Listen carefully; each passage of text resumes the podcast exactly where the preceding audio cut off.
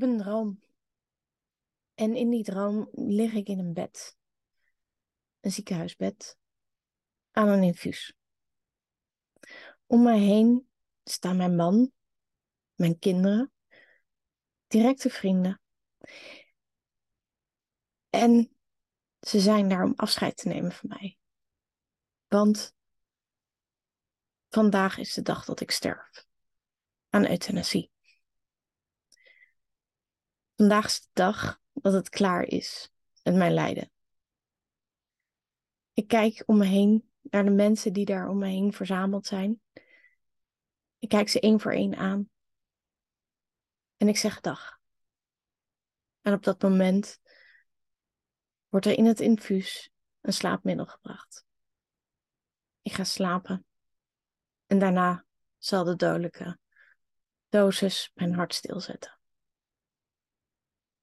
En voor mij is dat een heel blij vooruitzicht. Maar niet voor de mensen in mijn omgeving. Althans, dat zeggen ze. Want ik denk dat op het moment dat ik dood ben, dat zij zich omdraaien en zeggen: Yes, we zijn eindelijk van eraf. Het was te moeilijk, het was te heftig, het is een vreselijk mens. En wat is het fijn dat ze er uiteindelijk voor heeft gekozen om ons leven te verlaten.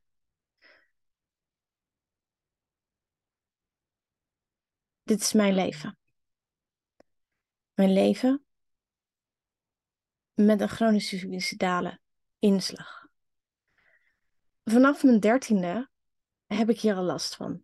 Vanaf mijn dertiende wil ik eigenlijk liever dood dan dat ik leef. En het is onwijs moeilijk om daarover te praten. Want hoe leg je nou uit aan de mensen om je heen dat jij liever dood bent, omdat je denkt dat dat het beste voor hen is? En aan de andere kant hopen zij steeds opnieuw dat ik een weg vind naar het leven. Deze podcast neem ik op omdat ik graag wil praten over dit onderwerp. Het is namelijk een ongelooflijk moeilijk onderwerp. Er is heel veel gezegd over de nabestaanden van mensen die ervoor kiezen uit het leven te stappen. Er is niet zoveel documentatie over mensen die er dagelijks mee leven. En ik leef er dagelijks mee. Elke dag bedenk ik wel drie tot vijf keer en op slechte dagen zelfs nog wel misschien tien tot twintig keer dat ik er liever niet wil zijn. Want ik vind het leven zwaar. Ik vind het leven zo zwaar dat het mij ook richting de dood trekt. En aan de andere kant heb ik een deel die enorm veel hoop koestert. En heb ik een deel die uitzinnig blij kan zijn met de kleinste dingen. En dat maakt het ontzettend controversieel, ook in mij. Want in mij, als ik de juiste kant pak, die begrijpt er helemaal niks van dat ik uh, graag dood wil. Maar de andere kant is ervan overtuigd dat dat de enige en de juiste weg is. Hoe leef je in zo'n dualiteit en zijn er eigenlijk oplossingen voor? Ik weet het niet. En de jaren therapie die ik er nu op heb zitten, hebben daar nog steeds tot op de dag van vandaag geen antwoord op gegeven. Ik zou heel graag willen dat het antwoord er wel is dat ik eh, kan zeggen tegen mensen van joh, ehm, ik ging dat doen en opeens waren de gedachten veel minder. Of ze waren er niet meer. Of ik had opeens zin om te gaan leven. En dat wil niet zeggen dat ik niet het leven leef. Want ik kan echt, echt zoals ik al zei, extreem genieten van ontzettend leuke dingen die ik doe in mijn leven. Maar dat is nooit genoeg als tegenhanger van dat ik denk dat ik nog steeds vergif ben in de levens van de mensen om mij heen.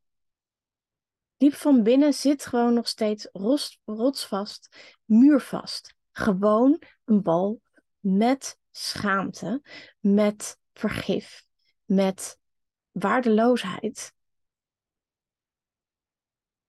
En een zeker weten dat de wereld een stuk mooier wordt als ik er niet meer ben. Het is raar om hierover te praten. En het is ook heel raar om hier een podcast over op te nemen. En ik weet ook niet of het de juiste weg is. En of ik hier iets mee ga bereiken. Of dat mensen het juist stootaangevend vinden. Of dat ik. Ik heb geen idee. Maar ik hoop wel dat ik begrip. Zeg maar, misschien wel kan bereiken bij mensen die absoluut niets begrijpen van het leven met een doodswens. Ik hoop eigenlijk gedurende de, zeg maar, de podcast die ik opneem, dat ik vooral ga onderzoeken en dat ik vooral ga vinden de manier om te leven en niet de manier om dood te gaan. Want de weg naar doodgaan, de weg naar levensbeëindiging, is uiteindelijk voor mij, denk ik, een stuk makkelijker.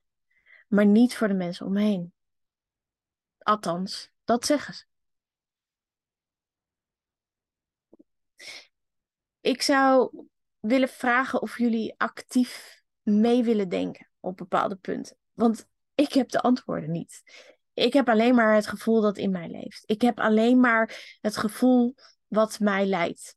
En dat het gevoel niet altijd de juiste manier is om je te laten leiden, dat weten we allemaal dat is de reden waarom ik ook altijd nog vecht en holding strong doe. Want uiteindelijk is het denk ik niet mijn wens om echt dood te gaan. Maar mijn wens is vooral om niet meer te leven met de psychische last waar ik elke dag mee opsta. Ik heb een diagnose complexe posttraumatische stressstoornis.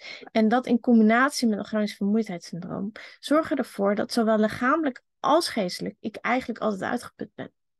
Dat betekent dat alles wat ik doe eigenlijk altijd al te veel is. En toch weet ik elke dag wel iets voor elkaar te krijgen. Al is het maar mijn bed opmaken. Want dat is wat ik mezelf heb voorgenomen.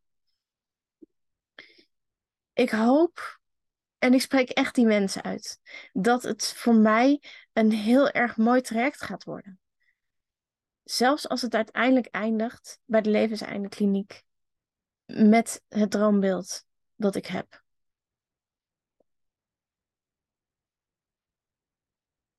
Ik ga deze weg en ik breek hem open en ik wil daarover praten, met wie daar ook over praten wil. Want ik denk uiteindelijk dat dat nodig is ik denk ook dat het nodig is om meer te doen dan praten. En daarom heb ik al heel veel gedaan en ben ik nog altijd bezig om heel veel manieren te vinden om trauma te transformeren in mijn lijf. Trauma te transformeren in mijn hoofd. Trauma te transformeren op alle lagen waar het nodig is. Om niet elke dag overspoeld te worden door triggers. Of elke dag overspoeld te worden door best wel nare gedachten of best wel nare gevoelens? Ik heb het antwoord nog niet. Ik weet wel dat ik de wil heb en de kracht heb om in ieder geval er morgen weer te zijn. En ik denk dat het daarom gaat. En toch wil ik dit gesprek opengooien. En ik hoop dat iedereen die zich geroepen voelt, iedereen die er iets aan heeft, iedereen die er ook mee worstelt, bewijs van spreken uitgenodigd is om met mij in gesprek te gaan. Als je nou getriggerd bent door als je deze podcast of podcast kijkt of ziet en je denkt, oh jee, oh help, ik voel het enorm, zorg dat je aan goede zelfzorg doet. Je bent namelijk uiteindelijk verantwoordelijk voor jezelf en je weet het, op het moment dat het zodanig triggert en je voelt de neiging opkomen om aan poging te doen, zorg dan dat je hulp zoekt. 0900 0113 staat altijd voor je klaar. Ik wens jullie, waar jullie ook zijn, in ieder geval een fijne dag.